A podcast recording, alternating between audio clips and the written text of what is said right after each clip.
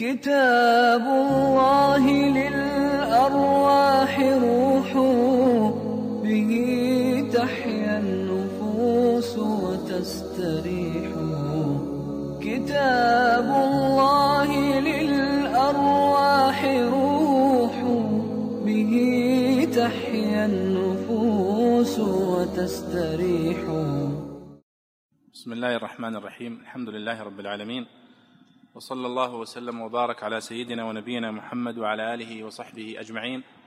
اللهم علمنا ما ينفعنا وانفعنا بما علمتنا وارزقنا الإخلاص والسداد والتوفيق يا رب العالمين.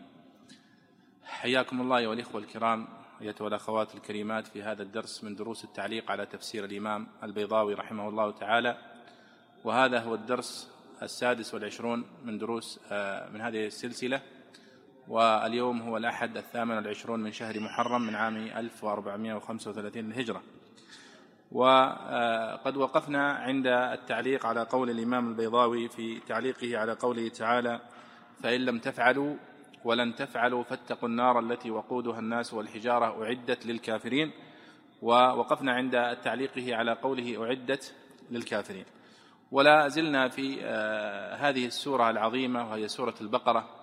هذه السورة التي أخبر النبي صلى الله عليه وسلم أنها تأتي يوم القيامة هي وسورة آل عمران تحاجان عن صاحبهما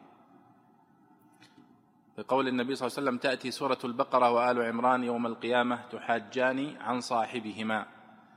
والحديث يدل على أن من شروط محاجة هاتين السورتين أن يكون المسلم مصاحبا لهما. مصاحبا لهما والصحبة تقتضي طول الملازمة. أقول هذا أيها الإخوة لأنه قد يستطيل البعض الإطالة في في الحديث عن سورة البقرة وهي سورة طويلة كما تعلمون وكان يبقى فيها السلف فترة طويلة يتأملون ما فيها من المعاني والدلالات ومن يعني القصص المشهورة في ذلك قصة عبد الله بن عمر بن الخطاب رضي الله عنهما حيث مكث في في دراسة سورة البقرة ثماني سنوات ثم أولم بوليمة عندما ختم دراسة سورة البقرة. وأنا أقول أيها الإخوة وأستحضر لي ولكم آه، الآيات التي في آخر سورة التوبة وهي قول الله سبحانه وتعالى بعد أن ذكر توبته سبحانه وتعالى على الثلاثة الذين خلفوا فذكر الله سبحانه وتعالى آية بين هذه القصة العظيمة فقال وما كان المؤمنون لينفروا كافة. فلولا نفر من كل فرقة منهم طائفة ليتفقهوا في الدين ولينذروا قومهم إذا رجعوا إليهم لعلهم يحذرون. وتلاحظون أيها الإخوة التعبير في هذه الآية بألفاظ حربية إن صح التعبير أو ألفاظ عسكرية وهو يتحدث عن طلب العلم. فقال فلولا نفر. والنفير استخدم في السورة نفسها للدلالة على الجهاد. يا أيها الذين آمنوا ما لكم إذا قيل لكم انفروا في سبيل الله اذ ثاقلتم إلى الأرض. فاستخدم كلمة النفير ثم قال فلولا نفر من كل فرقة فرقة حتى الفرقة هو مصطلح عسكري. قال طائفة ليتفقهوا في الدين. ولماذا؟ قال ولينذروا قومهم إذا رجعوا إليهم لعلهم يحذرون. فالتعبير بهذه الألفاظ أيها الإخوة يوحي وهذا الذي أنا أسوق الآية من أجله يوحي بأن طلب العلم أيها الإخوة يشبه القتال في سبيل الله وما فيه من المشقة والمكابدة. وهو جهاد بالبيان والأمة في أمس الحاجة إلى الجهاد بالبيان. ولا يتصدى له أيها الإخوة إلا الصابرون من أمثالكم الذين يواظبون ويواصلون ويصبرون ولا يستطيلون. آه، الطريق وفي قصة موسى عليه الصلاة والسلام مع الخضر درس لنا في عدم الاستعجال. في طلب العلم وأنه طريق طويل ينبغي على المسلم أن يصبر عليه. والنبي صلى الله عليه وسلم كما تعلمون قد وعد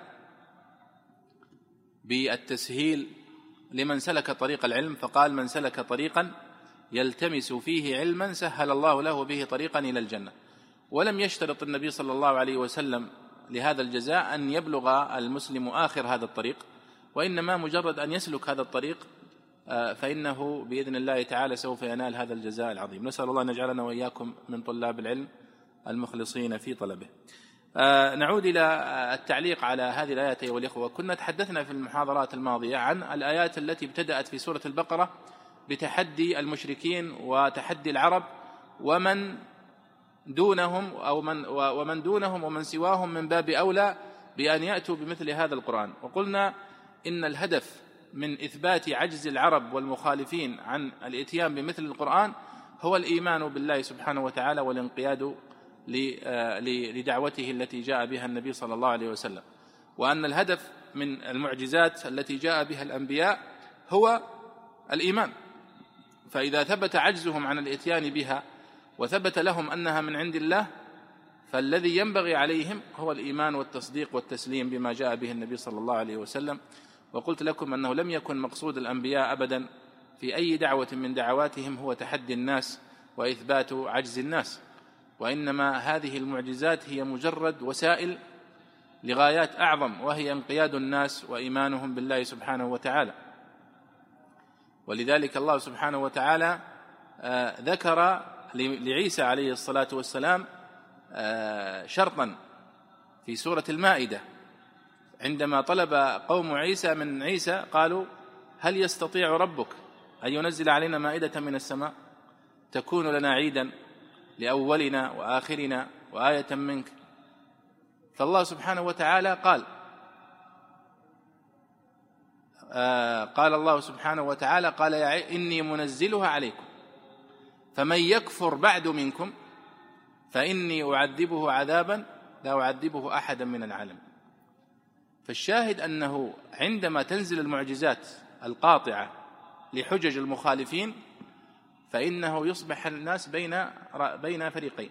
إما أن يستجيبوا ويخضعوا ويؤمنوا وإما أن يكذبوا ويعرضوا فيعذبهم الله سبحانه وتعالى ويهلكهم. كما حدث في قوم آه، موسى وكما حدث مع آه، فرعون وكما حدث مع قوم صالح عندما كذبوا وهكذا.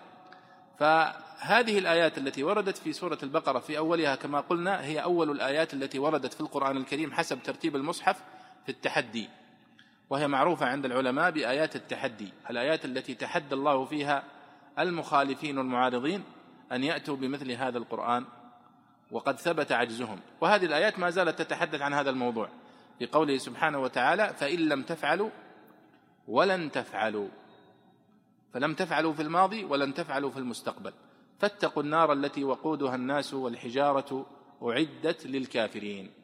ولا يزال كلام البيضاوي سوف يأتي معنا الآن يتحدث عن دلالات هذا التحدي. دلالات هذا التحدي بالنسبة لنبوة النبي صلى الله عليه وسلم وإثباتها إلى آخره. تفضل يا أخي الكريم اقرأ. الحمد لله رب العالمين والصلاة والسلام على نبينا محمد وعلى آله وصحبه أجمعين. اللهم اغفر لنا ولشيخنا وللحاضرين. قال الإمام البيضاوي رحمه الله في قول الله تعالى أعدت للكافرين. هيئت لهم وجعلت عدة لعذابهم.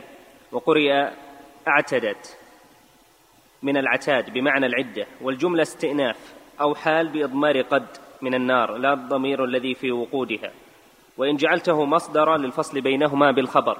وفي الآيتين ما يدل على النبوة من وجوه. الأول ما فيهما من التحدي والتحريض على الجد وبذل الوسع في المعارضة بالتقريع والتهديد وتعليق الوعيد على عدم الاتيان بما يعارض أقصر سورة من سور القرآن. ثم إنهم مع كثرتهم واشتهارهم بالفصاحة وتهالكهم على المضادة لم يتصدوا لمعارضته. التجأوا إلى جلاء الوطن إلى الجلاء إلى جلاء الوطن وبذل المهج. والثاني أنهما يتضمنان الإخبار عن الغيب على ما هو به فإنهم لو عارضوه بشيء لم تنع خفاؤه عادة سيما والطاعنون فيه أكثر من الذابين عنه في كل عصر. والثالث أنه صلى الله عليه وسلم لو شك في أمره لما دعاهم إلى المعارضة بهذه المبالغة مخافة أن يعارض فتدحض حجته. وقوله تعالى أعدت للكافرين دل على أن النار مخلوقة معدة الآن لهم. ممتاز. إذا الإمام البيضاوي يتحدث هنا عن آخر الآية وختام الآية في قوله أعدت للكافرين. فيقول أن معنى أعدت أي هيئت في اللغة وجعلت عدة لعذابهم. وذكر قراءة أخرى في هذه اللفظة وهي قوله سبحانه وتعالى أعدت أن هناك قراءة أخرى هي اعتدت. اعتدت يعني من التهيئة ونفس الفكرة كما في قصة يوسف عليه الصلاة والسلام آه، عندما دعت امرأة العزيز النساء قال آه، وآتت فأعتدت له وأعتدت لهن متكأ. أعتدت بمعنى هيأت وجهزت ثم قال والجملة استئناف. وقد ذكرنا هذا مرارا وكررناه. أنه يعني يشير دائما في مثل هذه العبارة إلى أنواع الجمل في القرآن الكريم. آه، الجملة الاستئنافية الجملة الحالية الجملة الخبرية ونحو ذلك من الجمل. وهذا طبعا يترتب عليه هل هي جملة معربة أو غير معربة. هل لها محل من الإعراب أو ليس لها محل من الإعراب؟ فهذه العبارة هذا المقصود بها. عندما يقول الجملة استئنافية حتى يعرف القارئ أنه لا محل لها من الإعراب لأنها هي من السبع الجمل التي لا محل لها من الإعراب الجملة الاستئنافية. قال أو حال بإضمار قد من النار يعني كأنه معنى الآية أعدت للكافرين أي قد أعدت. فلكنه أضمر حرف قد آه، قبلها. قال وفي الآيتين ما يدل على النبوة من وجوه. هذه فائدة مهمة. والبيضاوي هنا يعني آه، أكثر من الفوائد والتفاصيل في بداية تفسيره وهذه كما قلنا في أكثر من مناسبة هذه عادة المفسرين. أنهم يعني يعني يفصلون ويذكرون تفاصيل كثيرة في بداية تفسيرهم في سورة البقرة. ولذلك نحن نقول دائما لطالب العلم إن لم يكن لديك فرصة لقراءة تفسير كامل للقرآن الكريم فلا أقل من أن تقرأ سورة البقرة. فإنك إذا قرأت تفسير سورة البقرة في تفسير البيضاوي مثلا أو ابن كثير أو القرطبي أو ابن جرير الطبري فإنك تكاد تكون قرأت ربما كل ما يتعلق بأصول التفسير وغريب القرآن يمر معك في سورة البقرة. ذكر هنا مسألة وهي دلالة هذا التحدي على النبوة. يعني النبي صلى الله عليه وسلم تحدى. قال فإن وإن كنتم في ريب مما نزلنا على عبدنا عندكم شك فأتوا بسورة من مثله سورة واحدة فقط. وادعوا شهداءكم من دون الله. من الجن والإنس. إن كنتم صادقين. طبعا هم لم يفعلوا. ولم يستطيعوا. ولم ينقل التاريخ لنا أبدا أي حادثة من الحوادث التي تدل على أن هؤلاء قد عارضوا النبي صلى الله عليه وسلم أو عارضوا هذا القرآن وجاءوا بمثله بكلام يستحق أن يقرأ. وإنما كل المحاولات محاولات هزيلة لا تستحق أن يعول عليها كما صنع مثلا آه، سجاح العامرية ومسيلمة الكذاب وإن كانت حتى محاولاتهم ليست من باب معارضة القرآن نفسه. يعني مسيلمة الكذاب لم يكن ما جاء به من الكلام الهزيل يريد به أن يقول أن كلامي أفضل من الذي نزل على محمد لا. وإنما كان يريد أن يقول أنا يوحى إلي كما أنه يوحى إلى محمد فقط. أما أن يعني يكذب ويضحك على نفسه ويقول أن هذا الكلام الذي يقوله أفصح من كلام محمد فهذا لا لا يجرؤ أن يقول ذلك. وهناك طبعا في التاريخ الإسلامي من ينسب بعض المحاولات إلى بعض المتأخرين مثل على سبيل المثال ابن الراوندي الذي يعني يذكرونه في كتب التراجم ابن الراوندي. قالوا أنه حاول أن يعارض القرآن الكريم لكنه لم يثبت لنا ولم ينقل لنا أي محاولة له إلا إن كان نوى فهذا شيء بينه وبين الله. مثله أيضا أبو العلاء المعري. أبو العلاء المعري له كتاب آه، يعني آه، مشهور ومطبوع مؤخرا قيل أنه كان يريد به أن يعارض القرآن الكريم ولكن الصحيح أنه لا علاقة له بذلك وأنه كتاب في الأدب وفي الحكم ونحو ذلك. فكل المحاولات التي يعني آه، ذكرت في في كتب التراجم وكتب التاريخ آه، هي محاولات يائسة وليس هناك محاولة حقيقية جادة آه، لمعارضة القرآن الكريم والإتيان بمثل فصاحته وبلاغته. حتى تذكر تلاحظون في الآونة الأخيرة هناك كتاب سخيف جدا سماه صاحبه الفرقان الحق. هو تقليد بئيس للقرآن الكريم. يعني يحاول أن يقلد القرآن الكريم في أسماء السور وفي طريقته في الكلام ونحو ذلك لكن واضح أنه إنسان يعني يعني ضعيف العقل وضعيف اللغة ويعني أحمق. لكن يعني هذه محاولة وحاول أن يطبع من كتابه هذا مطبوعات كثيرة ويوزعها لكنها يعني تلقى دائما نفس المصير الذي لقيته يعني المحاولات السابقة. هنا ذكر ثلاث آه، ثلاثة أوجه للدلالة آه، على نبوة النبي صلى الله عليه وسلم من خلال هذه الآيات. قال الوجه الأول ما فيهما من التحدي يعني ما في الآيتين. والتحريض على الجد وبذل الوسع في المعارضة بالتقريع والتهديد وتعليق الوعيد على عدم الإتيان بما يعارض أقصر سورة من سور القرآن. ثم إنهم مع كثرتهم واشتهارهم بالفصاحة وتهالكهم على المضادة لم يتصدوا لمعارضته والتجأوا إلى جلاء الوطن وبذل المهج. وطبعا هذه فعلا فكرة واضحة ومشهورة أن المشركين عجزوا عن هذه المعارضة ولذلك لجأوا إلى حمل السلاح ومحاربة النبي صلى الله عليه وسلم. طيب لو كان عندكم قدرة على معارضة هذا القرآن وأنتم أهل الفصاحة وأهل البيان هل كانوا سيلجؤون إلى حمل السلاح؟ أبدا. لأن كانوا سيردون ويبطلون حجة النبي صلى الله عليه وسلم بمعارضة الاتيان بمثل هذا القرآن وتنتهي المشكلة. يعني لو جاءك مثلا على سبيل المثال الوليد بن الربيع بن المغيرة أو عتبة بن ربيعة أو سمي من شئت من كبار قريش وأتى بمثل القرآن لاشتهر ذلك ولو بأقصر سورة. ولاحظوا أن العرب كانوا خطباء وكانوا فصحاء وشعراء. يقولون الخطب الطويلة والقصيرة ويكتبون القصائد الطويلة والقصيرة والمتوسطة ولا يعجزهم ذلك. لكن لم يستطيعوا أن يأتوا ولو بسورة قصيرة. وهذا كله لا شك طبعا أنه لأن القرآن في مرتبة عالية وتلاحظون عندما آه، تكلمنا وتكلم البيضاوي عن معنى السورة في اللغة. قال السورة هي المنزلة العالية. وطبعا إذا جاء الإنسان إلى السورة العالية المرتفع جدا وعجز عن صعوده يرجع. يعني منيع يرد الطرف وهو كليل. فكذلك القرآن الكريم كل من يحاول ويأتي إليه يجد أنه في يعني مكانة عالية جدا. لا تبلغه لا فهومهم ولا علومهم. والمسألة في الإعجاز وقد تحدثنا عنها في بعض الدروس الماضية ليست مجرد لغة. لأن اللغة التي جاء بها القرآن الكريم هي من جنس اللغة التي يتكلمون بها. بل نحن كما تلاحظون في التفسير نستشهد بشعرهم على فهم القرآن. فاللغة واحدة.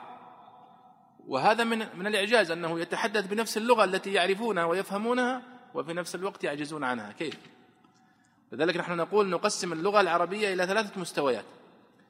مستوى الذي نزل به القرآن الكريم. وهذا مستوى عالي جدا لا يبلغه أحد من البشر. والمستوى الثاني هو المستوى الفصحاء من العرب الذين يعني أجمع العرب على فصاحتهم وبيانهم ويدخل فيهم الشعراء الكبار من الشعراء الجاهلية ومن بعدهم وأيضا الخطباء الكبار يدخلون في هذه المستوى. وهذا الذي يجعلنا نحن عامة الناس نعجب بشعر هؤلاء الشعراء المفلقين. ولذلك نحن اليوم نحن عامة الناس ننظر إلى امرئ القيس وننظر إلى المتنبي وإلى أبي تمام نظرة إكبار أليس كذلك؟ ونرى أنهم قد أوتوا من البلاغة والبيان والفصاحة ما لم نؤته نحن. لأنهم أهل هذا الشعر وأهل هذه البلاغة ولذلك يتفاوت الناس. يعني مثلا الآن عندما نأتي وندرس الأدب وندرس الشعر في كليات اللغة العربية نحن ندرس وندرس كتاب البيان والتبيين للجاحظ مثلا كتاب آه، الإمتاع والمؤانسة لأبي حيان التوحيدي. مقامات الحريري مقامات الهمداني وهذا النوع الرفيع من من النثر وأعلى من ذلك ولا شك كلام النبي صلى الله عليه وسلم وأعلى منه كلام النبي كلام الله سبحانه وتعالى. هذه مستويات اليست أليست يعني واضحة وسهلة التمييز بالنسبة لنا؟ أنك تستطيع أنك تميز كلام الله من كلام النبي صلى الله عليه وسلم مع أن محمد عليه الصلاة والسلام هو الذي بلغ إلينا القرآن. فهو مجرد رسول ينقل لنا ما يقوله له جبريل فيما يتعلق بالقرآن. وأما في الحديث فهو يتصرف في اللفظ عليه الصلاة والسلام يوحى إليه بالمعنى ويبلغنا باللفظ. ولذلك تتفاوت القرآن الكريم عن القران عن عن الحديث النبوي. ثم يأتي بعد ذلك الخطباء كما قلت والشعراء والفصحاء الذين يعني هم في الطبقة العليا من اللغة العربية. ثم يأتي بعد ذلك من هو دونهم؟ ثم يأتي بعد ذلك عامة الناس. الذين يتكلمون العربية ويفهمونها الآن عندما تأتي وتقسم هذه الطبقات الثلاث أو الأربع في اللغة العربية تجد أن هذا المستوى الرفيع وهو مستوى القرآن الكريم ليس يعني آه، في يعني في الذروة لمجرد الألفاظ فقط والفصاحة مع أنه كذلك إلا أنه أيضا من أجل المعاني التي اشتمل عليها. فالقرآن الكريم قد اشتمل على معاني لم تدر بخلد العرب ولم يحيطوا بها علما ولا يعرفونها ولا يتحدثون فيها. إما لأنها من الغيب المستقبل الذي لا يعرفه إلا الله سبحانه وتعالى وإما أنها من الغيب السحيق الذي لم يعد أحد يعرفه ويذكر تفاصيله. حتى أهل الكتاب الذين هم أقرب الناس إلى عهد النبوة وعهدهم قريب يعني عيسى بن مريم تحرف كتابهم وغاب عنهم الكثير مما كان جاء به عيسى. ولذلك لما جاء القرآن الكريم بقصة عيسى وقصة موسى وتفاصيلها كان في ذلك تعليم لأهل الكتاب بأشياء قد فاتت عليهم وغابت وتحرفت في كتبهم. ولذلك قال الله سبحانه وتعالى إن هذا القرآن يقص على بني إسرائيل أكثر الذي هم فيه يختلفون. واضح الفكرة هذه؟ فإذا هذا التحدي أعجزهم وألجأهم إلى استخدام الأسلحة والقوة. وهذا في حد ذاته دليل على عجزهم. وهي حقيقة دائما الإنسان ما يلجأ إلى القوة واستخدام اليد إلا إذا فشل عن استخدام الحجة والبيان. فيلجأ إلى اليد. فإذا هذا هو الوجه الأول من أوجه إثبات نبوة النبي صلى الله عليه وسلم أنهم عجزوا عن المعارضة ولجأوا إلى ما هو أشد منها وهو القتل والقتال لأنهم عجزوا عن معارضته والإتيان بمثله. قال البيضاوي والثاني أنهما يتضمنان يعني هاتين الآيتين يتضمنان الإخبار عن الغيب على ما هو به.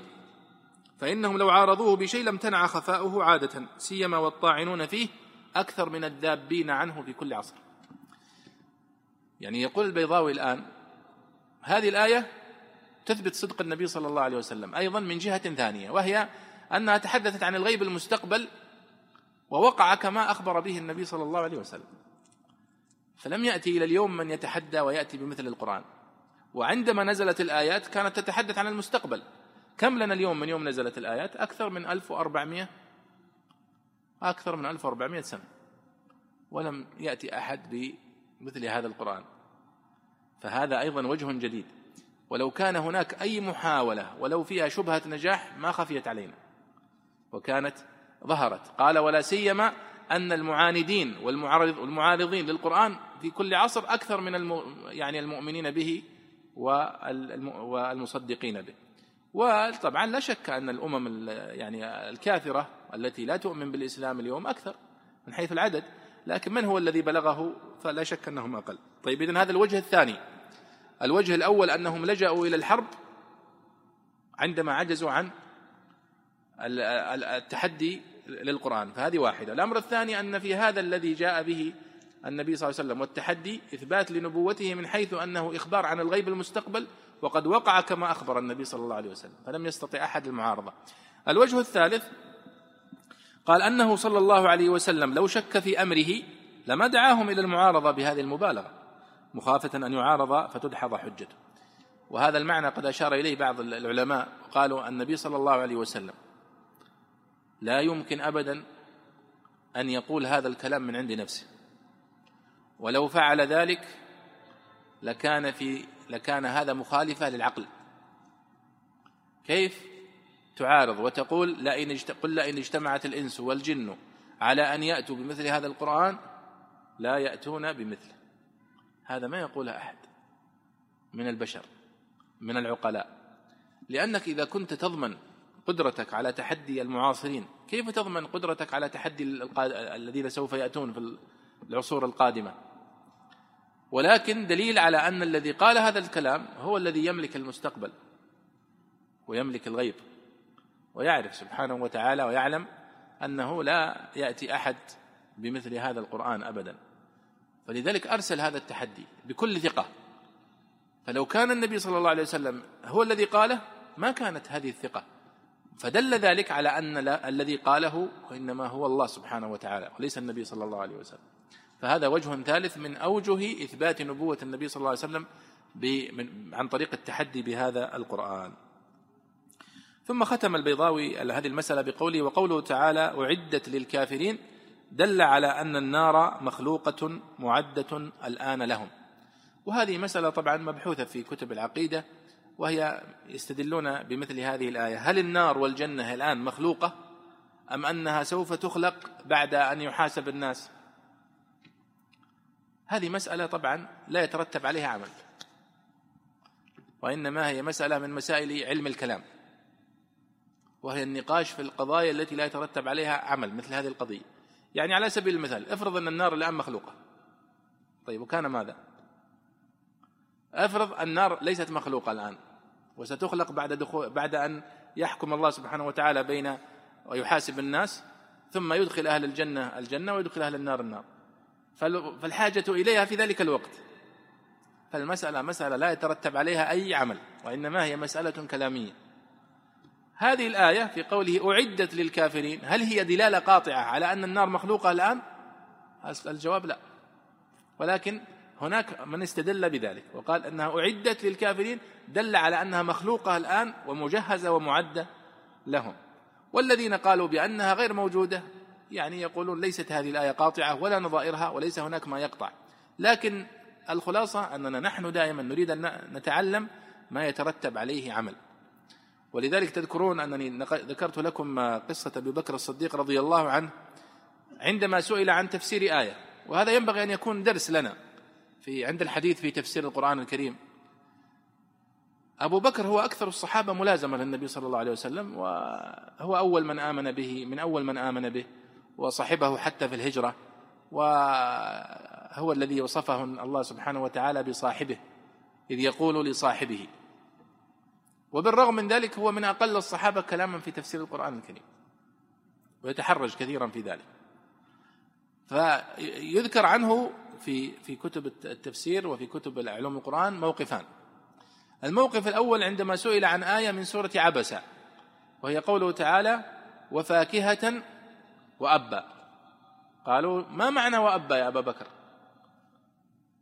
قال أي سماء تظلني وأي أرض تقلني؟ إن أنا تكلمت في كتاب الله برأيي. وسكت ولم يجب. مع أن الجواب سهل. واضح أن وفاكهة وأبا واضح أن الأب هو طعام يعني تأكله الأنعام. لأنه قال في الآية التي بعدها متاعا لكم ولأنعامكم. فقال المفسر متاعا لكم أي وفاكهة.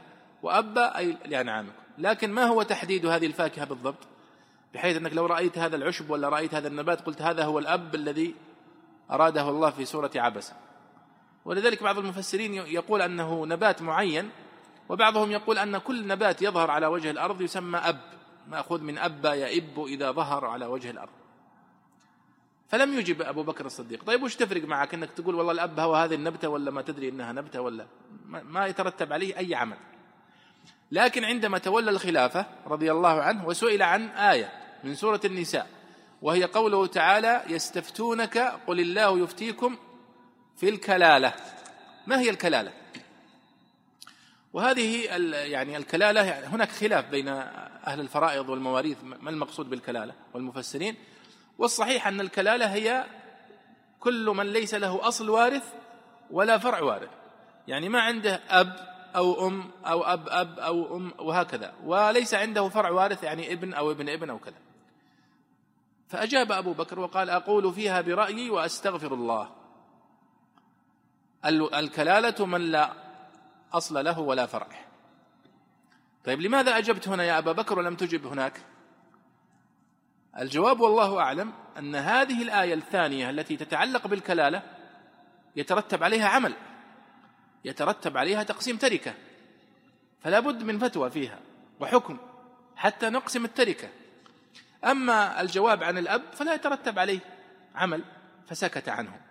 فهذا فيه درس بأن الإنسان يحرص أن يتعلم ما يترتب عليه عمل وما ينفعه في دينه وما ينفعه في يومه وفي ليلته وهذا أدب ينبغي أن نتأدب به. ونحن لا نحجر في بهذا على أن نتعلم مسائل العلم وإن كان فيها شيء من الفضول لكن ليكن الأولويات التي يترتب عليها عمل هي التي تستحوذ على وقتنا أكثر. ولذلك لما جاء أحدهم إلى إلى الإمام أحمد رضي الله عنه رحمه فسأله عن مسألة من مثل هذه المسائل. هل آه، آه، متى تزوج إبليس؟ أو ما اسم زوجة إبليس؟ أو هل الجنة مخلوقة الآن أو غير مخلوقة؟ طيب فقال له آه ماذا تقول بعد الصلاة؟ إذا فرغت من الصلاة ما هي الأذكار التي تقولها؟ سكت. قال ها يعني أنت الآن جالس تسأل في مسائل بعيدة ولا يترتب عليها عمل وتترك السؤال عن ما تحتاجه في يومك وفي ليلتك خمس مرات وهي أذكار التي تقولها بعد الصلاة ونحو ذلك. عليك بما يهمك في يومك وفي ليلتك. فعانه كما يقول الإمام الشافعي رحمه الله ودع ما فضول العلم مثل هذه المسألة فلا تشغل بها وقتك. فإذا هذا تعليق على قول البيضاوي هنا أعدت للكافرين. وهنا تعليق من أبي السعود رحمه الله على هذه الآية أيضا في قوله سبحانه وتعالى أعدت للكافرين.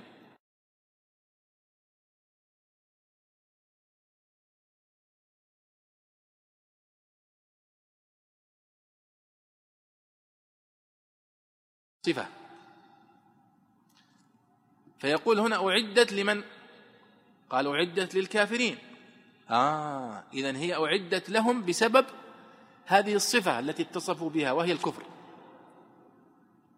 فقال أعدت للكافرين ولم يقل أعدت لهم. وإنما وصفهم بالوصف الذي من أجله استحقوا هذا العذاب وهو الكفر. وتجدونها في القرآن الكريم في مثل قوله سبحانه وتعالى إن الأبرار لفي نعيم وإن الفجار لفي جحيم وأمثالها يعني إن الأبرار لفي نعيم لماذا؟ بسبب برهم وإن الفجار لفي جحيم بسبب ماذا؟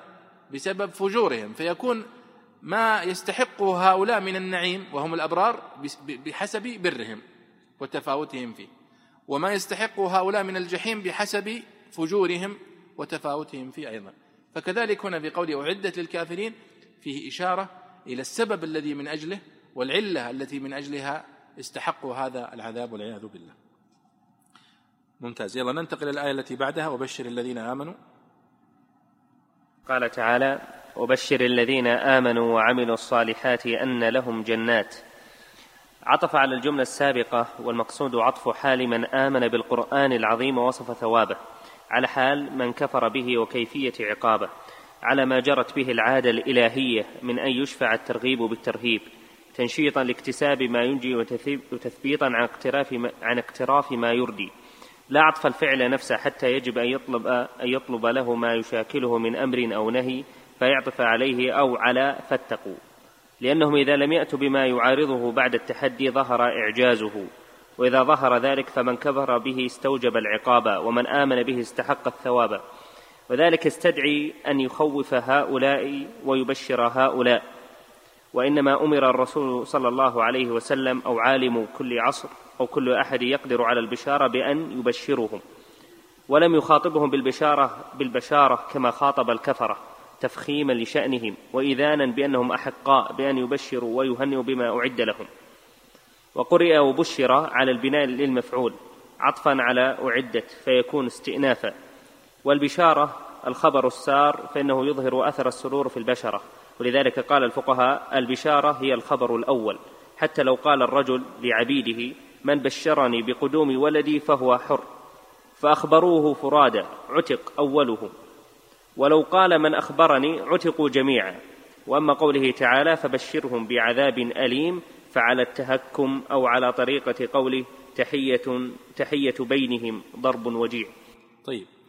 خلني أعلق على هذا. طبعا الآن البيضاوي انتقل للآية الأخرى. الله سبحانه وتعالى بعد أن ذكر آه، يعني هذا الوعيد الشديد للكافرين المكذبين وهو وناسب أن يقدم الوعيد للكافرين المكذبين لأنه في مقام التحدي هنا. فناسب أن يقدم الوعيد. ثم جاء بعده بالبشارة للمؤمنين المصدقين الذين صدقوا بهذا القرآن الكريم وصدقوا النبي صلى الله عليه وسلم. فقال وبشر الذين آمنوا وعملوا الصالحات أن لهم جنات تجري من تحتها الأنهار. فقال البيضاوي عطف على الجملة السابقة. والمقصود عطف حال من آمن بالقرآن العظيم ووصف ثوابه على حال من كفر به وكيفية عقابه. وهذا هو أيضا نفس طريقة البيضاوي التي تكرر دائما هو ذكر المناسبة بين الآيات. يعني لماذا جاءت آيات البشارة هنا بعد آيات الوعيد التي سبقتها؟ قال هذه عادة إلهية وهذا تعبير جيد من البيضاوي أن يقول كما جرت العادة الإلهية. لأن المفسرين غالبا يعبرون بتعبير وهناك فيه نقاش وهو أن يقولون عادة القرآن. ويكثر منها كثيرا الإمام ابن عاشور طاهر بن عاشور فيقول وعادة القرآن كذا وكذا وعادة القرآن. طيب كيف عادة القرآن؟ والقرآن هو كلام الله. ف... لكن عندما يقول البيضاوي العادة الإلهية يعني لأنها القرآن كلام الله فهذا جيد من البيضاوي. قال وكيفية عقابه على ما جرت به العادة الإلهية من أن يشفع الترغيب بالترهيب تنشيطا لاكتساب ما ينجي وتثبيطا إلى آخره. هذه فعلا ملاحظة في القرآن الكريم كله وهو أن الله سبحانه وتعالى يذكر العذاب للمكذبين فيذكر بعده الثواب للمصدقين حتى لا ييأس المصدق. أو يذكر الله سبحانه وتعالى الثواب للمصدقين ثم يعقبه بالحديث عن الوعيد للمكذبين حتى لا يغتر العامل. وتأملوا في القرآن الكريم كثيرة موجودة حتى الآيات التي ذكرتها قبل إن الأبرار لفي نعيم وإن الفجار لفي جحيم. يذكر هؤلاء ويذكر هؤلاء. ويقول في سورة الحجر نبع عبادي أني أنا الغفور الرحيم وأن عذابي هو العذاب الأليم. فتجد هذا وهذا يعني يكاد يكون مضطرد في القرآن الكريم كما قال البيضاوي هنا على ما جرت به العادة الإلهية من أن يشفع الترغيب بالترهيب. فيقول هنا هو ذكر الوعيد ثم جاء بعده بالوعد والبشارة للمؤمنين. وبشر الذين آمنوا وعملوا الصالحات. فهذه يعني فائدة مهمة آه، لنا. ثم آه، ذكر هنا قال وقرئ وبشر على البناء للمفعول.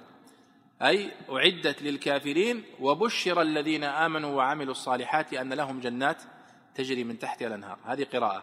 والقراءة السبعية وبشر الذين آمنوا على فعل الأمر. ثم قال والبشارة الخبر السار فإنه يظهر أثر السرور في البشرة. يعني البشارة سميت بشارة لأنه يظهر أثر السرور على بشرة الإنسان. لأن البشرة هي الجلد يعني ظاهر الجلد ووجه الرجل. ولذلك قال وجاء أهل المدينة يستبشرون.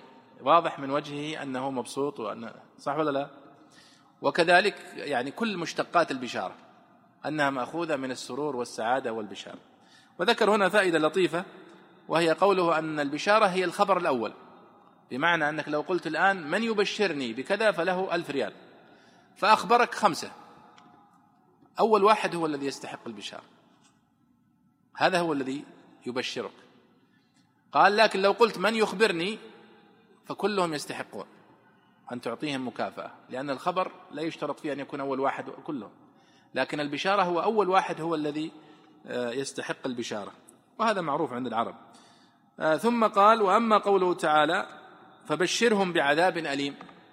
لأنك لما تقول الآن والله البشارة هي الإخبار بالشيء السار. يجيك واحد يقول طيب أنا عندي اعتراض. الله سبحانه وتعالى يقول فبشرهم بعذاب أليم. وين البشارة بالخبر السار؟ فنقول هذا على سبيل السخرية والتهكم بهم. فكأنه يقول كما تقول للكافر أبشر بجهنم. تستهزئ به لأنه مكذب. فكذلك الله سبحانه وتعالى عندما يقول فبشرهم بعذاب أليم هو من باب التهكم والسخرية بهم. وإلا فالبشارة في الأصل أنها لا تطلق ولا تقال إلا للخبر السار المفرح. آه، قال وعلى طريقة قوله تحية بينهم ضرب وجيع. هذا استشهاد بشاهد شعري مشهور. في قول الشاعر يقول تحية بينهم ضرب وجيع. يعني يقول أن من شجاعتهم في الحرب تحيتهم لأعدائهم هي آه، ضرب ضربهم وقتلهم. كما يقول الشاعر يقول ليس بين ليس بيني وبينهم من عتابي غير طعن الكلى وضرب الرقاب. فأنا ما بيني وبينهم مشاكل بس. وهذا طبعا يقال لفرط الشجاعة وعدم المبالاة بالخصم. ليس بيني وبينهم من عتاب غير ضرب الكلى أو طعن الكلى وضرب الرقاب. فنفس الفكرة هنا فبشرهم بعذاب أليم أو قيد تحية بينهم ضرب وجيع. كلها نفس الفكرة. طيب اقرأ والصالحات. والصالحات جمع صالحة وهي من الصفات الغالبة التي تجري مجرى الأسماء الحس... كال... التي تجري مجرى الأسماء كالحسنة. قال الحطيئة كيف الهجاء وما تنفك صالحة من آل لام بظهر الغيب تأتيني؟ وهي من الأعمال ما سوغه الشرع وحسنه وتأنيثها على تأويل الخصلة أو الخلة واللام فيها للجنس وعطف العمل على الإيمان مرتبا للحكم عليهما إشعارا بأن السبب في استحقاق هذه البشارة مجموع الأمرين والجمع بين الوصفين فإن الإيمان الذي هو عبارة عن التحقيق والتصديق أس والعمل الصالح كالبناء عليه ولا غناء بأس لا بناء عليه. ولذلك قل ما ذكر منفردين وفيه دليل على أنها خارجة عن مسمى الإيمان إذ الأصل أن الشيء لا يعطف على نفسه ولا على ما هو داخل فيه. بارك الله فيك. إيه، طبعا كلام الإمام البيضاوي هنا مركز يعني ويحتاج إلى تفكيك. أولا في قوله تعالى وبشر الذين آمنوا وعملوا الصالحات. الصالحات هنا هي جمع صالحة وهي كما قال في تعريفها من الأعمال ما سوغه الشرع وحسنه. يقال له عمل صالح. واستدل على أنها يقول هي من الصفات الغالبة. يقول هذه أعمال صالحات. كما تقول هذه أعمال حسنة. فهو وصف عام يصلح لأشياء كثيرة. كما قال الحطيئة آه، يمدح بني لأم بن شماس كيف الهجاء وما تنفك صالحة من آل لأم بظهر الغيب تأتيني؟ يعني يقول كيف أه- يعني أهجوهم وما تنفك صالحة يعني ما تنفك مكارمهم وأفعالهم الصالحة في إكرامي وفي وصلي وفي إعطائي وفي البذل لي. فيقول كيف أهجوهم؟ وهم أصحاب معروف. فهذا هو التعريف لمقصود بالصالحات. وهنا توجيه لماذا نقول الصالحات؟ دون أن يسبقها أي موصوف. ماذا تقصد بالصالحات؟ قال هي هي على تأويل الخلال الصالحات أو الخصال الصالحات أو الأعمال الصالحات فهي صفة لموصوف محذوف تقديره الأعمال أو الخصال أو الخلال الصالحات. واللام فيها للجنس يعني وعملوا الصالحات. الصالحات هنا الألف واللام فيها للجنس يعني جنس الأعمال الصالحة. كل عمل صالح يدخل تحت هذا الوصف. قال وعطف العمل على الإيمان مرتبا للحكم عليهما إشعار بأن السبب في استحقاق هذه البشارة مجموع الأمرين. يعني هنا الله سبحانه وتعالى يقول وبشر الذين آمنوا وعملوا الصالحات فجمع بين الوصفين لا بد أن يكون مؤمنا وأن يكون عاملا للصالحات حتى يستحق هذه البشارة. واضح هذا؟ وهذا كثير في القرآن الكريم أنك لا تكاد تجد وصف الإيمان بدون ذكر العمل الصالح. وهذه مسألة أنه لا بد مع الإيمان باللسان من العمل بالأركان. وهذا تعريف الإيمان عند أهل السنة والجماعة مأخوذ من هذا. فالإيمان عند أهل السنة والجماعة له ثلاثة أركان. القول باللسان والعمل بالأركان بالجوارح والتصديق بالجنان وهو يزيد بالطاعة وينقص بالعصيان. هذا تعريف الإيمان. فلا يمكن أن يأتي واحد يقول أشهد أن لا إله إلا الله وأشهد أن محمدا رسول الله وأنا مؤمن ومصدق وبكل ما جاء به محمد صلى الله عليه وسلم. ولكني لن أصلي لن أحج ولن أصوم. فهل نقول عن هذا أنه مؤمن؟ لا. ما هو بمؤمن؟ ما هو بمؤمن؟ لأنه لم يواطئ الإيمان الذي ذكره بلسانه. عمل لأنه لو كان صدق فعلا وآمن بالنبي صلى الله عليه وسلم لاستجاب له. فلما لم يستجب له قلنا لا ينفعك هذا الإيمان. وهذا لا يصح أن يسمى ايمانا. ولذلك الإيمان لا بد أن تجتمع فيه الأركان. أن يكون العمل جزء من ال من ال من الإيمان. ولذلك في أحاديث طبعا وإن كانت يعني بعضهم يضاعفها من إذا رأيتم الرجل يعتاد المساجد فاشهدوا له بالإيمان. لكن هي حقيقة ينبغي أن ندركها وهو أن المؤمن الصادق يعمل يصلي يحج. والنبي صلى الله عليه وسلم قد ذكر نفي الإيمان عن أقل من ذلك.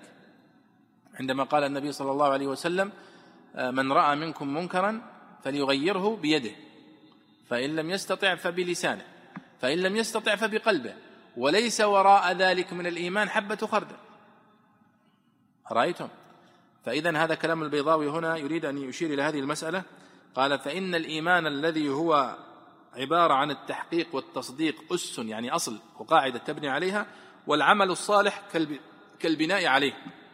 ولا غناء بأس لا بناء عليه. ولذلك قلما ذكر منفردين في القرآن الكريم. أن يذكر الإيمان دون أن يذكر العمل الصالح. وإنما يذكر الذين آمنوا وعملوا الصالحات إلا الذين آمنوا وعملوا الصالحات. آمنوا وعملوا وهكذا فهي متكررة كثيرا في القرآن الكريم. قال وفيه دليل على أنها خارجة عن مسمى الإيمان. وهذه مسألة خلافية بين أهل السنة وغيرهم. هل العمل خارج عن مسمى الإيمان أو داخل فيه؟ لكن هي مسألة نظرية. لكن الخلاصة أنه لا بد من العمل حتى يكون المؤمن مؤمنا. فإذا لم يتحقق العمل وترك العمل فإنه لا يسمى مؤمنا. هذه الخلاصة. قال إذ الأصل أن الشيء لا يعطف على نفسه ولا على ما هو داخل فيه. يعني قوله آمنوا وعملوا الصالحات أنه من باب عطف التغاير. وهذا ليس دليلا لأنه يعطف الخاص على العام. فهو رد على هذا ونقول نحن إنما عطف العمل على الإيمان إشارة إلى تعظيمه وأنه ركن مهم في الإيمان وهو من باب يعني تفخيمه كما عطف جبريل على الملائكة من كان عدوا لله وملائكته وجبريل. طيب جبريل من الملائكة لكن عطف على العام من باب إظهار مكانته طيب بارك الله فيك. اقرأ. يقول تعالى أن لهم منصوب بنزع الخافض وإفضاء الفعل إليه أو مجرور بإضماره مثل الله لأفعلن والجنة المرة من الجن من المرة من الجن وهو مصدر جنه إذا ستره ومدار التركيب على الستر. سمي بها الشجر المضلل للالتفاف أغصانه للمبالغة كأنه يستر ما تحته سترة واحدة. قال زهير كأن عيني في غرب مقتلة من من النواضح تسقي جنة سحقا أي نخلا طوالا. ثم البستان لما فيه من الأشجار المتكاثفة المضللة ثم دار الثواب لما فيها من الجنان. وقيل سميت بذلك لأنه ستر في الدنيا ما أعد فيها للبشر, للبشر من أفنان النعم. كما قال سبحانه وتعالى فلا تعلم نفس ما أخفي لهم من قرة أعين. وجمعها وتنكيرها لأن الجنان على ما ذكره ابن عباس رضي الله عنهما سبع جنة الفردوس وجنة عدن وجنة النعيم ودار الخلد وجنة المأوى ودار السلام وعليون. وفي كل واحدة منها مراتب ودرجات متفاوتة على حسب تفاوت الأعمال والعمال. واللام في لهم تدل على استحقاقهم إياها لأجل ما ترتب عليه من الإيمان والعمل الصالح. لا لذاته فإنه لا يكافئ النعم السابقة فضلا عن يقتضي ثوابا وجزاء فيما يستقبل. بل بجعل الشارع مقتضى وعده تعالى لا على الإطلاق بل بشرط أن يستمر عليه حتى يموت وهو مؤمن. لقوله تعالى ومن يرتد منكم عن دينه فيمت وهو كافر فأولئك حبطت أعمالهم. وقوله تعالى لنبيه صلى الله عليه وسلم لئن أشركت ليحبطن عملك. وأشباه ذلك. ولعله سبحانه وتعالى لم يقيد ها هنا استغناء بها. بارك الله فيك. طبعا البيضاوي هنا يواصل في قوله تعالى الذين آمنوا وعملوا الصالحات أن لهم جنات. هذا هو جزاؤهم في الآخرة. نسأل الله أن يجعلنا وإياكم منهم. وجنات هنا جمع. ففسر البيضاوي هنا المقصود بالجنات. فقال والجنة المرة من الجن. المرة من الجن تعرفون في اللغة العربية في حاجة اسمها اسم المرة. جلست جلسة. قالوا اسم مرة على وزن فعلة. جلست جلسة وضربت ضربة وإلى آخره. وهنا جنة. جننته يعني غطيته. جنة. فهو اسم مرة. طيب. قال وهو مصدر جنه إذا ستره. ومدار التركيب على الستر سمي بها الشجر المضلل لالتفاف أغصانه للمبالغة كأنه يستر ما تحته سترة واحدة. ثم استشهد بقول زهير في قصيدة الرائعة المشهورة القافية كأن عيني في غربي مقتلة من النواضح تسقي جنة سحقا. يعني تجني تسقي نخلا طوالا. طيب هنا يتكلم البيضاوي بكلام رائع جدا وسبق أن ربما تناولناه في, في أكثر من موضع وهو ما يسمونه آه، أصل الاشتقاق. يعني الآن في القرآن الكريم كم وردت لفظة جنة؟ وردت كثيرا. وردت وردت لفظة الجنة كثيرا الجنة نسأل الله أن يجعلنا وإياكم منها من أهلها. ووردت جنات جمع للجنة. ووردت جنات بمعنى أشجار. وقال واضرب لهم مثلا أصحاب الجنة. صح؟ أصحاب الجنة يعني أصحاب البستان. ووردت الجن في القرآن الكريم. قل أوحي إلي أنه استمع نفر من الجن. وقال وإذ صرفنا إليك نفرا من الجن.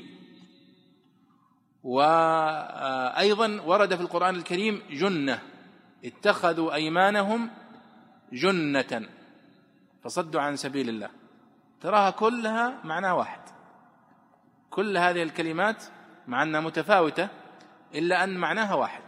كل أصل المعنى الذي تدل عليه مادة جنة بمعنى ستر وغطى.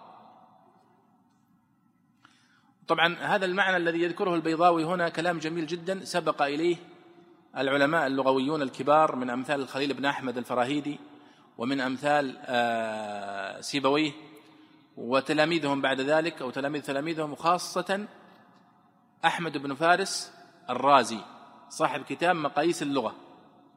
وهذا الكتاب يا إخواني من أهم الكتب التي أنصحكم بقراءتها وشرائها والقراءة فيها وإدمان النظر دائم فيه لأن الكتاب رائع جدا يختصر عليك المعاني اللغوية.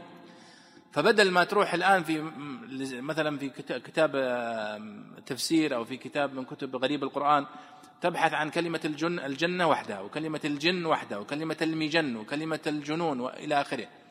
آه، لساحر مجنون أيضا وردت مجنون في القرآن الكريم. تجدها في مقاييس اللغة في مادة واحدة. الجيم والنون المشددة. أصل واحد يدل على الخفاء والستر. ثم تحلل كل المفردات كما فعل البيضاوي هنا تجد أنها تنطبق عليه. فسمي المجنون مجنونا. لماذا؟ لأن عقله مستور. وسمي الجنين جنينا لأنه مستور في بطن أمه. وسمي المجن وهو الترس الذي يتقى به في الحرب. فكان مجني دون من كنت أتقي كما يقول عليه عمر بن أبي ربيعة. مجني يعني الدرع الذي يعني يقيه الضرب. وسمي المجنة وهي المقبرة تسمى مجنة. لأن المقبورين فيها لا لا يرون. وسمي الجن جنا لأنهم مستترون عن أعين البشر. وسميت الجنة البستان سمي جنة لأنه يستر من يدخل بداخله. فإذا دخلت أنت بين الشجر في البستان لا أحد يراك. فكأنك استترت عن عين من يشاهدك. والجنة هي الملتفة. يعني الملتفة تستر من يدخل بداخلها فهذا كلام البيضاوي هنا كلام جميل جدا ويعني ينبغي أن نستفيد منه وأن نركز عليه. ولذلك قال ومدار التركيب على الستر. هذا الكلام جميل جدا. يعني نفس كلام ابن فارس وكلام ابن جني في كتاب الخصائص وأمثالهم الذين يعيدون المفردات من اشتقاق واحد إلى أصل واحد بحيث أنها تجمع على طالب العلم يعني آه، المفردات والكلمات. ولذلك لو قارنتم الآن ووازنتم بين لسان العرب لابن منظور مثلا أو تاج العروس آه، للزبيدي وبين مقاييس اللغة لابن فارس. مقاييس اللغة لابن فارس في آه، ستة مجلدات وطبع طبعا في مجلد واحد. لكن لسان العرب ضخم فيه أكثر من 120 ألف مادة.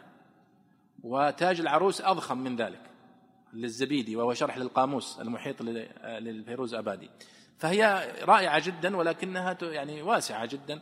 لكن مقاييس اللغة يضبط لك هذه الألفاظ والمفردات والدلالات اللغوية. مهمة جدا. فالبيضاوي هنا عندما قال ومدار التركيب على الستر سمي بها الشجر المظلل إلى آخره وقيل سميت بذلك يتكلم عن الجنة. لماذا سميت الجنة جنة؟ قيل سميت بذلك لما فيها من الجنان والشجر كما قال الله سبحانه وتعالى. وقيل سميت بذلك لأنه آه، ستر في الدنيا ما أعد فيها للبشر من أفنان النعم كما قال سبحانه وتعالى فلا تعلم نفس ما أخفي لهم من قرة أعين. قال سميت جنة لأنها مخفية. وجمعها وتنكيرها لأن الجنان على ما ذكره ابن عباس. يعني لماذا قال؟ فبشرهم أن لهم جنات. لماذا جمعها؟ فيقال إما لأنها كثيرة جنان كثيرة. وكما قال آه، النبي صلى الله عليه وسلم عندما آه، أراد أن يخفف عن أبناء عبد الله بن حرام الأنصاري رضي الله عنه آه، قال لجابر عندما مات والده شهيدا قال له يعني والله يا جابر إنها جنان كثيرة. فهي جنان جمعت لأنها كثيرة. وقال هنا ابن البيضاوي لأنها على ما ذكره ابن عباس رضي الله عنهما سبع جنان جنة الفردوس وجنة عدن وجنة النعيم ودار الخلد وجنة المأوى ودار السلام وعليون. وهذه كلها مذكورة في القرآن الكريم كما كما تعلمون. ومثل هذه يعني الروايات يعني تستند إلى القرآن الكريم نفسه وإذا رويت عن الصحابة رضي الله عنهم هذه لا لا مدخل للعقل فيها فإنها تكون في حكم المرفوع إلى النبي صلى الله عليه وسلم. وهذه سوف تأتي معنا أيضا في بعض الروايات. عندما يذكر بعض الصحابة أو التابعين أمرا من أمور الآخرة لا مدخل للرأي فيه ولا للاجتهاد فإنه ينصرف الذهن على أنها من قول النبي صلى الله عليه وسلم وليست من اجتهاد الصحابي أو من اجتهاد التابعي طيب. ثم أيضا علق البيضاوي على قوله تعالى لهم جنات فقال لماذا عبر بقوله لهم؟ فقال اللام هنا للاستحقاق. آه لأجل ما ترتب عليه من الإيمان والعمل الصالح. لا لذاته فإنه لا يكافئ النعم السابقة إلى آخر كلام. فهو يشير إلى مسألتين في هذا الكلام. المسألة الأولى أن الإنسان مهما عمل من العمل فإنه لا يستحق الجنة بعمله. وهذه كما تعلمون قد أخبرنا النبي صلى الله عليه وسلم بها وقال عليه الصلاة والسلام لا يدخل أحد الجنة بعمله. قالوا ولا أنت يا رسول الله؟ قال ولا أنا. إلا أن يتغمدني الله برحمته. لأن العمل الذي يقوم به المسلم حتى لو استغرق حياته لا يكافئ نعمة من نعم الله عليه. لأن العمل الذي تعمله هو بنعمة أنعم الله بها عليك. وحرم منها غيرك. الإنسان الآن الذي يقوم ويركع ويسجد هناك أناس تعلمون أنهم لا يستطيعون أن يسجدوا ولا يركعوا لمرض. ولذلك يتمنون بعد أن يفقدوا هذه النعمة أن يعني تعود لهم. ولذلك يحرم الله سبحانه وتعالى الكافرين الذين كذبوا به وكذبوا بأنبيائه من السجود في الآخرة. كما أخبر الله سبحانه وتعالى قال وقد كانوا يدعون إلى السجود وهم سالمون. طيب والنقطة الثانية التي يشير إليها البيضاوي في آخر تعليقه هنا إلى أن الله سبحانه وتعالى قال في الآية وبشر الذين آمنوا وعملوا الصالحات أن لهم جنات تجري من تحتها الأنهار خالدين فيها إلى آخره. ولم يذكر قيدا وهو أنهم يموتوا على ذلك. لأنه لا بد أن يستمر المؤمن مؤمنا حتى يموت حتى يستحق هذا الجزاء. وأما من ارتد فإنه لا يستحق هذا الجزاء. ولذلك قال البيضاوي هنا بل بشرط أن يستمر عليه حتى يموت وهو مؤمن لقوله تعالى ومن يرتد منكم عن دينه فيمت وهو كافر فأولئك حبطت أعمالهم آه، في الدنيا والآخرة. وقوله تعالى للنبي صلى الله عليه وسلم لئن أشركت ليحبطن عملك. وأشباه ذلك. قال البيضاوي ولعله سبحانه وتعالى لم يقيدها هنا استغناء بها. فالله لم يقول وبشر الذين آمنوا وعملوا الصالحات لمن استمر على إيمانه حتى وفاته. لم يذكر ذلك استغناء بأن هذا معروف وأن الآيات واضحة الأخرى في سورة البقرة وفي غيرها على أنه لا ينال هذا الجزاء إلا من من مات وهو على ذلك. طيب اقرأ يا شيخ. قال تعالى تجري من تحتها الأنهار أي من تحت أشجارها كما تراها جارية تحت الأشجار النابتة على شواطئها. وعن مسروق أنهار الجنة تجري في غير أخدود. واللام في الأنهار للجنس كما في قولك لفلان بستان في الماء الجاري أو للعهد. والمعهود هي الأنهار المذكورة في قوله تعالى فيها أنهار من ماء غير آسن الآية. والنهر بالفتح والسكون المجرى الواسع فوق الجدول ودون البحر كالنيل والفرات. والتركيب للسعة والمراد بها ماؤها على الإضمار أو المجاز أو المجاري أنفسها. وإسناد الجري إليها مجاز كما في قوله كما في قوله تعالى وأخرجت الأرض أثقالها. الآية. جميل.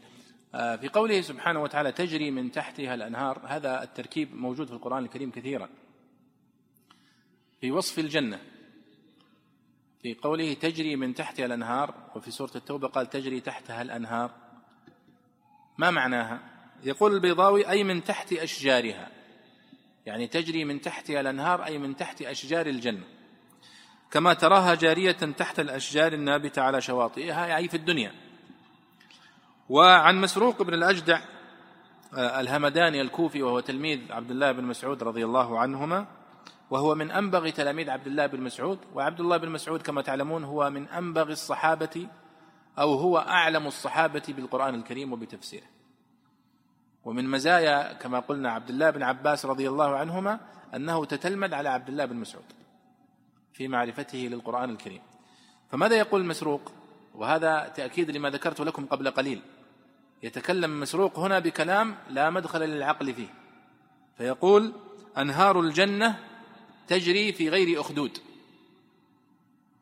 يعني أنهار الجنة تجري ولكنها لا تجري في في مسارات كما هو في الدنيا. أخاديد محفورة في الأرض. طيب هذا الكلام هل هو باجتهاد من مسروق؟ الجواب لا ليس اجتهادا من مسروق لأن هذا لا مدخل للعقل فيه وإنما هو قطعا آه، يروي في ذلك آه، رواية عن النبي صلى الله عليه وسلم فهي من ما لا مدخل للعقل فيه وله حكم آه، المرفوع. نعود أيها الإخوة إلى قول الله تعالى تجري من تحت الأنهار وقول مسروق بن الأجدع رحمه الله أنهار الجنة تجري في غير أخدود. وقلت لكم أن هذا مما لا مدخل للعقل فيه. فإذا كان ما لا مدخل للعقل فيه إذا كان الصحابي هو الذي رواه فهذا له حكم المرفوع دون نقاش. وأما إذا كان التابعي هو الذي رواه فإن له حكم الحديث المرسل. والحديث المرسل كما تعلمون هو الحديث الذي يرفعه التابعي إلى النبي صلى الله عليه وسلم دون أن يذكر الواسطة. فهل هذا يقبل أم لا يقبل؟ في تفصيل بين العلماء. فالإمام مالك والإمام أبو حنيفة يستدلون به بالحديث المرسل. وجمهور النقاد يردون يعني الاستشهاد بالحديث المرسل للجهل بالساقط في الإسناد كما يقول العراقي في ألفية الحديث يوم عندما قال مرفوع تابع على المشهور مرسل أو قيده بالكبير. أو سقط راو منه ذو أقوال والأول الأكثر في استعماله ثم ذكر حكم الاحتجاج به. قال واحتج مالك كذا النعمان وتابعوهما به ودانوا ورده جماهر النقاد للجهل بالساقط في الإسناد. فالجهل بالساقط في الإسناد لأن ما ندري الآن مالك مسروق بن الأجدع عمن يروي هذا الكلام؟ هل هو يروي عن عبد الله بن مسعود؟ إن كان يروي عنه فلا نقاش في رفعه. وإن كان ربما يروي عن تابعي آخر أو هناك يعني شك في ذلك فإذا نقول نحن له حكم الحديث المرسل إذا كان مرفوع إذا كان مما لا مدخل للرأي فيه. ويتعامل معه كما يتعامل مع الحديث المرسل. ثم قال البيضاوي هنا في قوله تجري من تحتها الأنهار. الأنهار هنا الألف واللام هنا قال البيضاوي واللام في الأنهار للجنس. كما في قولك لفلان بستان في الماء الجاري أو للعهد. والمقصود بالجنس أنها للتعريف والاستغراق في العموم. فتجري من تحتها الأنهار يعني إشارة إلى العموم والاستغراق في الدلالة عليه. وإذا قلنا تجري من تحتها الأنهار الألف واللام للعهد فكأنه قد سبق ذكر الأنهار في موضع وجاء هنا فذكر الأنهار أي المعهودة السابقة. كما آه، في قوله سبحانه وتعالى آه، إنا أرسلنا إلى آه، فرعون كما أرسلنا إنا أرسلنا إليكم رسولا شاهدا عليكم كما أرسلنا إلى فرعون رسولا. قال في الآية التي بعدها فعصى فرعون الرسول. فعصى فرعون الرسول فأخذناه أخذا وبيلا. فقالوا الرسول هنا في الآية الثانية الألف واللام فيها للعهد. يعني الرسول الذي مر في الآية السابقة. فهذا هو المقصود بالألف واللام للعهد. قال والمعهود لو قلنا أنها للعهد ما هو المعهود؟ قال هي الأنهار التي ذكرها الله في سورة محمد في قوله سبحانه وتعالى فيها أنهار من ماء غير آس وأنهار من خمر لم يتغير طعمه وأنهار من لبن إلى آخر الآيات. ثم رجع البيضاوي أيضا للموقف السابق الذي ذكرته لكم وهو التحليل اللغوي الذي يرجع المفردة إلى أصلها اللغوي. قال والنهر بالفتح والسكون. المجرى الواسع فوق الجدول ودون البحر كالنيل والفرات. ما هو النهر في اللغة؟ قال هو هذا. هو هذا هو المجرى الواسع للماء. فوق الجدول يعني الجدول الصغير طبعا المجرى الصغير يسمى جدول أكبر منه قليلا يسمى نهر وإذا كان واسعا جدا يسمى بحرا وإن كانت العرب ربما تطلق على النهر الواسع بحرا كما يفعلون في مثلا النيل مثلا النيل يسمونه البحر والمصريون يسمون النيل بحر وليس كذلك ويقولون البحري والقبلي والمقصود وليس المقصود به البحر وإنما المقصود به نهر النيل. طيب ثم يقول البيضاوي والتركيب للسعة. هذا نفس المعنى الذي ذكرت لكم قبل قليل. يعني تركيب النهر نهر في اللغة العربية يدل على السعة. فكأن النهر سمي نهرا لأنه مجرى واسع جدا للماء. لماذا؟ لأنك عندما تذبح الذبيحة يقال أنهر الدم. أنهر الدم إذا ذبح الذبيحة. فكأنه قد يعني أصبح المجرى واسعا للدم. في في في يعني يصب بغزارة. آه، وهذا هو معنى النهر في اللغة. النهر هو للدلالة على السعة. ثم يدل, يدل على النهر الواسع على المجرى الواسع للماء يدل على الذبح يدل على آه، حتى نهر الرجل. نهرته. بمعنى أنني شتمته شتما واسعا وبالغت في ذلك. لذلك نهى الله سبحانه وتعالى قال فلا تقل لهما أف ولا تنهرهما. فلا تقل لهما أف هذا أقل درجات الإساءة. ولا تنهرهما يعني أيضا أشد درجات الإساءة والتوسع في الشتم والعقوق. قال والمراد بها ماؤها على الإضمار أو المجاز أو المجاري أنفسها. يعني كيف؟ الله سبحانه وتعالى يقول تجري من تحتها الأنهار. هل النهر هو الذي يجري أم الماء الذي في النهر؟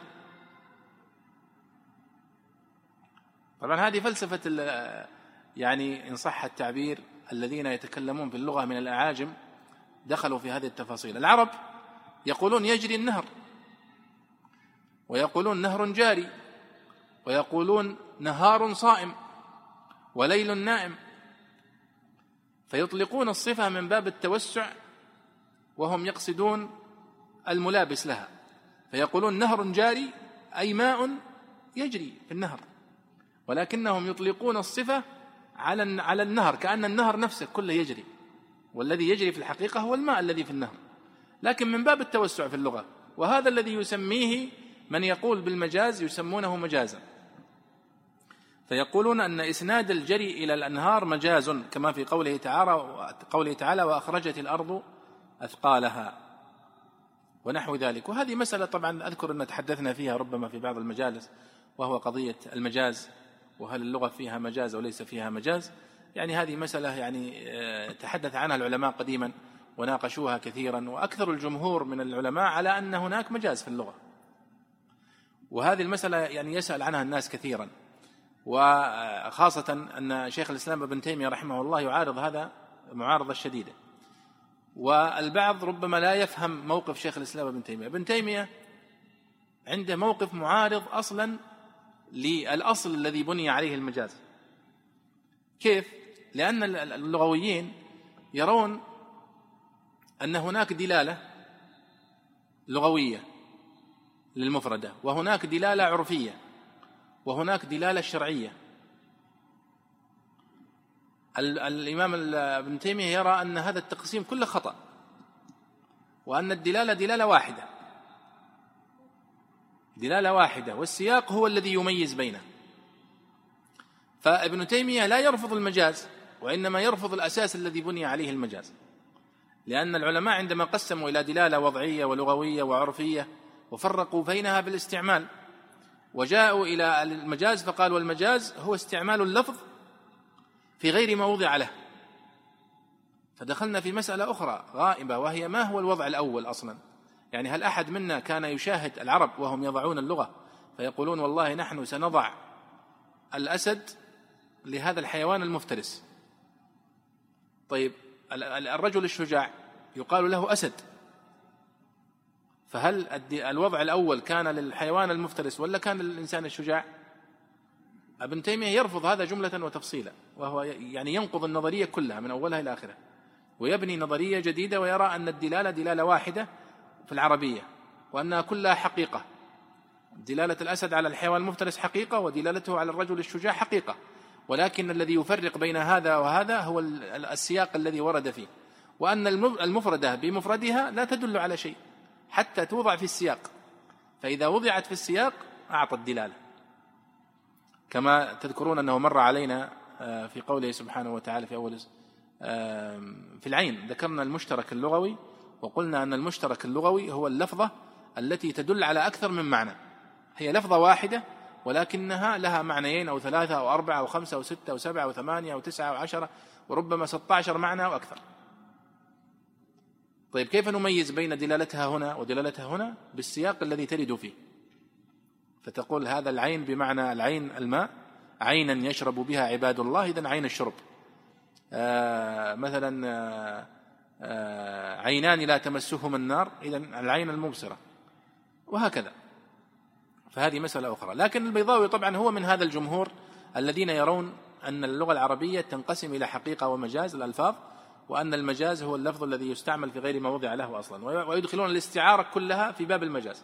الاستعارة اللغوية والعقلية والاستعارة المكنية والتمثيلية بكل أنواعها. يقولون هذه ضرب من المجاز. وعلماء اللغة المتقدمون من أمثال سيبويه وأمثاله ما كانوا يسمونها مجازا. كانوا يسمون هذا توسعا. فيقولون هذا من باب التوسع في اللغة. فالله يقول تجري من تحتها الأنهار هذا توسع في اللغة. وإلا فالذي يجري في الحقيقة هي المياه التي في الأنهار. وأما النهر فهو لا يجري والذي يجري الماء الذي فيه. لكن يطلق الجريان على النهر نفسه من باب التوسع في اللغة وكأنه من باب المبالغة في شدة جريان الماء فيه كأن النهر نفسه هو الذي يجري. طيب تفضل يا شيخ كلما رزقوا. قال تعالى كلما رزقوا منها من ثمرة رزقا قالوا هذا الذي رزقنا. صفة ثانية لجنات أو خبر أو خبر مبتدأ محذوف أو جملة مستأنفة. كأنه لما قيل إن لهم جنات وقع في خلد السامع أثمارها مثل ثمار الدنيا. أو أجناس آخر أو أجناس آخر فأزيح بذلك. وكلما نصب على الظرف ورزق مفعول به. ومن الأولى والثانية للابتداء واقعتان موقع الحال. وأصل الكلام ومعناه كل حين الرزق مرزوقا مبتدأ من الجنات مبتدأ من ثمرة قيد الرزق بكونه مبتدأ من الجنات. وابتداؤه منها بابتدائه من ثمرة. فصاحب الحال الأولى رزقا وصاحب الحال الثانية ضميره المستكن في, المستكن في الحال. واحتمل أن يكون من ثمرة بيانة تقدم كما في قولك رأيت منك أسدا. وهذا إشارة إلى نوع ما رزقوا.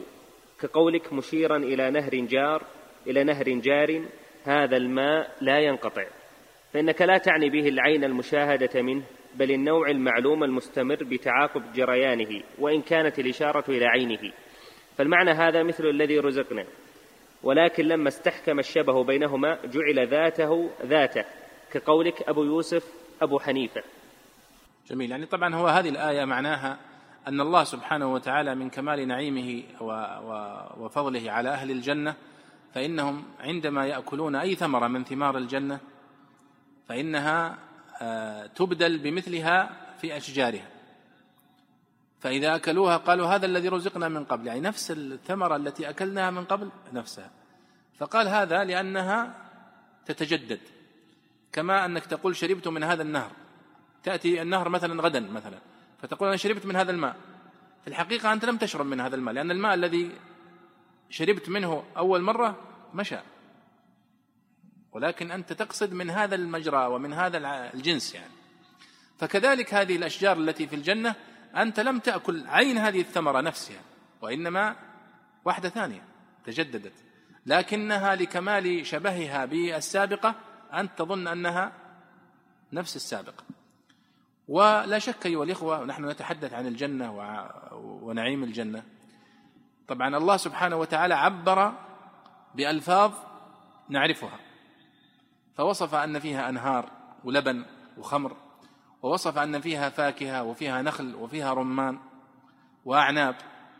لكن بس الأسماء فقط التي نعرفها. ولكن عنب الجنة ليس كعنب الدنيا ونخل الجنة ليس كنخل الدنيا ورمان الجنة ليس كرمان الدنيا.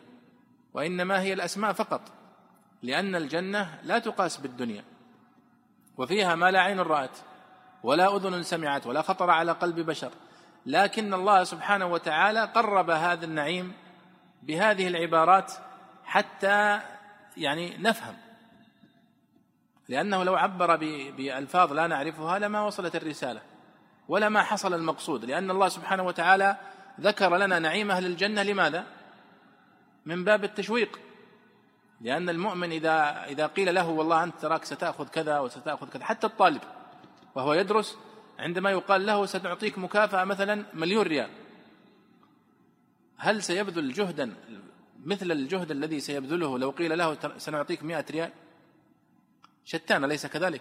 وهذا حالنا جميعا يعني. فالنفس تنشط عندما تعلم أن الجائزة أكبر. فالله سبحانه وتعالى يذكر لنا هذا النعيم من هذا الباب من باب تنشيط المؤمن وتقويته للعبادة والصبر حتى ينقلب إلى هذا المصير. وأيضا يذكر سبحانه وتعالى من عذاب وجحيم جهنم ما يجعل الإنسان يرتدع يرتدع عن المعصية خوفا. والله سبحانه وتعالى هو الذي خلق النفس البشرية فهو يعلم ما يصلحها وما يردعها. كما قال ألا يعلم من خلق؟ وهو اللطيف الخبر. الخبير. بعض الناس يعني يدفعه التشويق والترغيب وبعض الناس لا يدفعه إلا التحذير والتهديد وأناس كثير بينهما يعني في طبيعته وفي آه، قناعته. طيب فهذا هو معنى كلام البيضاوي في في هذا الموضع. وطبعا هو تحدث عن الإعراب ولماذا كلما رزقوا منها رزقا والإعراب الذي فيها وهذا كلام يعني آه، لا داعي له. طيب من قبل يتفضل من قبل أي من قبل هذا في الدنيا جعل ثمر الجنة من جنس ثمر الدنيا لتميل النفس إليه أول ما يرى فإن الطباع مائلة إلى المألوف متنفرة عن غيره. ويتبين لها مزيته وكنه النعمة فيه. إذ لو كان جنسا لم يعهد ظن أن لا يكون إلا كذلك. أو في الجنة لأن طعامها متشابه في الصورة. كما حكى ابن كثير عن الحسن رضي الله عنهما أن أحدهم يؤتى بالصحفة فيأكل منها. ثم يؤتى بأخرى فيراها مثل الأولى فيقول ذلك. فيقول الملك كل فاللون واحد والطعم مختلف. أو كما روي أنه عليه الصلاة والسلام قال والذي نفس محمد بيده إن الرجل من أهل الجنة لا يتناول الثمرة ليأكلها فما هي بواصلة إلى فيه حتى يبدي الله تعالى مكانها مثلها. فلعلهم إذ رأوها على الهيئة الأولى قالوا ذلك والأول أظهر لمحافظته على عموم كلما فإنه يدل على ترديدهم هذا القول كل مرة رزقوا.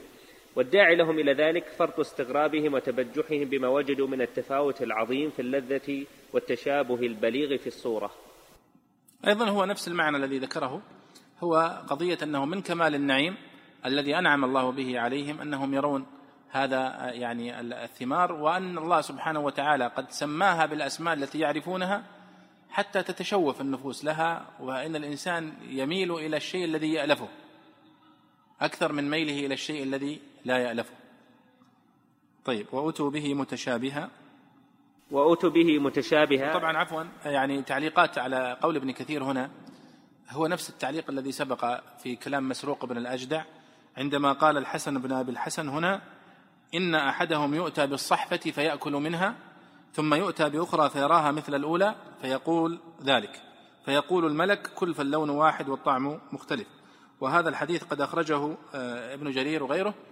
والحسن بن أبي الحسن هو آه، آه، الحسن طبعا الحسن بن علي رضي الله عنهما وهو لا يقال لا يقال مثل هذا أيها الإخوة إلا إذا كان هناك نص عن النبي صلى الله عليه وسلم لأن هذا لا يدخل العقل في في في في معرفته ولا الاجتهاد لا مدخل للعقل فيه.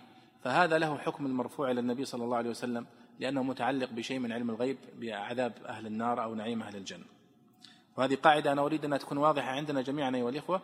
إذا رأيت حديثا عن صحابي أو حديث عن تابعي وهو يتحدث عن شيء لا مدخل للعقل فيه من نعيم أهل الجنة أو عذاب أهل النار ونحو ذلك فهذا له حكم المرفوع إذا صح سنده لأنه في الغالب أنه قد أخذه عن النبي صلى الله عليه وسلم وخاصة الصحابي.